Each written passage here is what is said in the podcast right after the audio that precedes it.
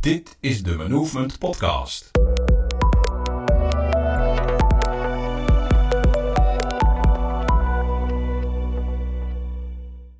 Als je het hebt over Microsoft Teams, dan heb je het over centraal en veilig samenwerken, gesprekken voeren en opslaan van documenten. En Teams is meer dan dat, zoals Mirjam in deze podcast uitlegt. Wederom vanuit de auto. Ik ben Mirjam van Movement. Wij helpen bedrijven om uh, digitaal te gaan samenwerken en dat doen we met het platform Microsoft 365. Uh, vandaag gaat het onderwerp over een inzicht die ik gisteren had toen we bij een klant waren.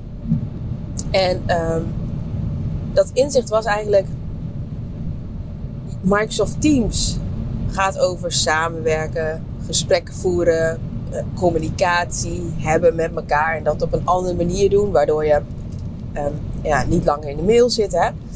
En het gaat ook over dingen uh, toevoegen aan zo'n teams.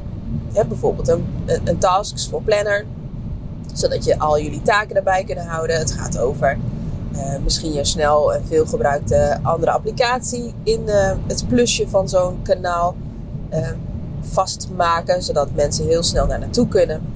Dus het zorgt echt voor een andere belevenis als het gaat over digitaal samenwerken. En ik, ik denk dat het, het woord hub daar een mooie term is, maar ik weet ook niet helemaal of dat of je dan meteen uh, begrijpt wat ik bedoel. Maar het is echt een hub voor een samenwerking. Daar komt eigenlijk alles samen. En dat was ook wel heel mooi. Gisteren uh, hadden we een van de laatste sessies. En dan gaan we het ook over hebben. Oké, je hebt nu zoveel van ons geleerd. En uh, wat is nou jouw belangrijkste takeaway? Dat je zegt, nou, dit is nou precies waarom we met Microsoft Teams gaan beginnen bij ons bedrijf. En uh, daar kwam heel snel uit, het creëert overzicht. En die vond ik al enorm gaaf. Tegelijkertijd um, hadden we ook een, een, uh, een, een, discussie over documenten en over bestanden. En dat deed mij ook al beseffen dat het heel erg belangrijk is om heel goed na te denken over je bestanden.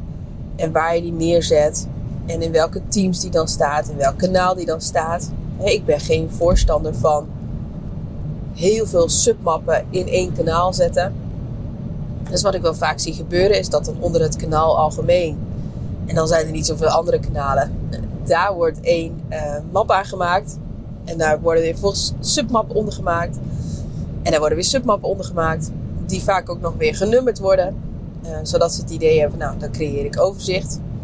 maar wat je eigenlijk alleen doet, is die bestanden ja, op een andere manier opslaan. Nee, ja, op een andere opslag opslaan. Maar op dezelfde manier zoals je dat ook deed bij de netwerkschijven of de, de dataschijven. Of ja, hoe je die, die, uh, die MNNOBQ uh, schijven ook maar noemen. En daar schiet je er wat dat betreft niet veel mee op. Uh, gisteren hadden we ook een toffe discussie over, nou ik noem het de kroonjuwelen. Dat waren een aantal hele belangrijke documenten voor, die applicatie, voor, die, voor dat bedrijf documenten waar hele gevoelige informatie in staat voor het bedrijf, die ook in veel bedrijfsprocessen gebruikt worden en echt als waarheid uh, dienen te zijn, die ook niet iedereen mag aanpassen, die ook niet iedereen hoeft te zien, mag zien zelfs, die ook niet iedereen uh, bijwerkt. En hè, er is echt één eigenaar van, die gaat erover en die zegt: Ja, dit is het document en alles wat hierin staat, dat is leidend. En ik ben de enige die dat uiteindelijk goedkeurt en accordeert. En ook zegt: Als ik hem ergens neerzet, dan is het oké. Dan weet je, het is goedgekeurd, het is officieel, dit is de laatste status waarmee je moet werken. En tegelijkertijd hadden we ook een behoorlijke discussie over, oké, op welke plek zetten we die dan neer? Want je wil namelijk niet dat iedereen erbij kan. Je wil ook niet dat, de, he, dat je daar zeg maar bijvoorbeeld een aparte uh, teams voor moet aanmaken om een paar documenten. Hè? Want ik ben van mening dat je alleen een teams aanmaakt als je ook met elkaar communiceert. En ook met elkaar gesprekken voert. En als je dat niet doet, dan uh, is het hebben van een teams overkill. En dan moet je dat vooral niet doen. Uh, eigenlijk zoek je dan gewoon een goede opslag. Nou, dan kom je natuurlijk bij Microsoft SharePoint uit.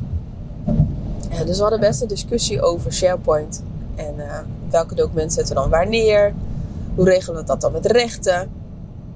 Nou, en dan kom je ook meteen in de, nou, ik noem het de krochten van SharePoint. Want je gaat aan de onderkant aan de gang. En wat dat betreft, dat is echt een vak apart. Dat is, ik, ik, ja, ik ken de basislijnen. maar het is echt een vak apart. Hoe snel je daar de mist in kan gaan door de verkeerde rechten te geven, te veel rechten te geven, te weinig rechten te geven. dan moet je het ook nog bijhouden. Dan moet je ook nog over twee, drie maanden weten: oh ja, wat heb ik daar nog maar gedaan. Dus dat, dat stukje documenteren, bijhouden, is wel, uh, is wel heel erg belangrijk. En dat is ook uh, ja, wat we gisteren dus voorstelden. om een bepaalde site aan te maken, daar een aparte bibliotheek neer te zetten. Die ook een duidelijke naamgeving te geven. En daar de mensen toegang te geven tot dat bestand die daarbij moeten. En voor sommigen is dat dan een, een lezen. En voor sommigen is dat ook bewerken. Nou, in dit geval gaan ze dan alleen pdf's heen zetten, zodat ze zeker weten dat dat de laatste versie is. En een Word-document blijft gewoon in de verschillende teamsomgevingen staan. Dus daar staat dan het werkdocument. En uh, de laatste versie vind je op een aparte document. Nou, hopelijk heb je er wat aan gehad. En zeg je, hé, hey, dat is uh, waardevol en interessant. En uh, die tips die kunnen wij ook gebruiken. En die, die gaan we inzetten als dat zo is. Dat zou ik het heel tof vinden als je dat zou willen laten weten. we zitten op LinkedIn. Je kunt ons uh, vinden op ons bedrijfsprofiel, Movement. Of je kunt natuurlijk ook naar mijn persoonlijke LinkedIn-pagina toe gaan. Mirjam M. Krek. R-I-A-M. Uh, zwerver. Alhoewel je mijn naam wel kan schrijven, denk ik. Omdat je ook natuurlijk bij die podcast bent terechtgekomen. Maar dat terzijde. En uh, stuur me een DM als je hem hebt gelezen. Het zou ik onwijs tof vinden. En als je zegt, hé, hey, ik heb daar nog aanvulling aan. Dan hoor ik dat ook zeker graag. En dankjewel tot de volgende keer. En ik hoop dat deze weer uh, waardevol was en dat je er uh, iets aan op hebt gestoken. Uh, tot de volgende keer!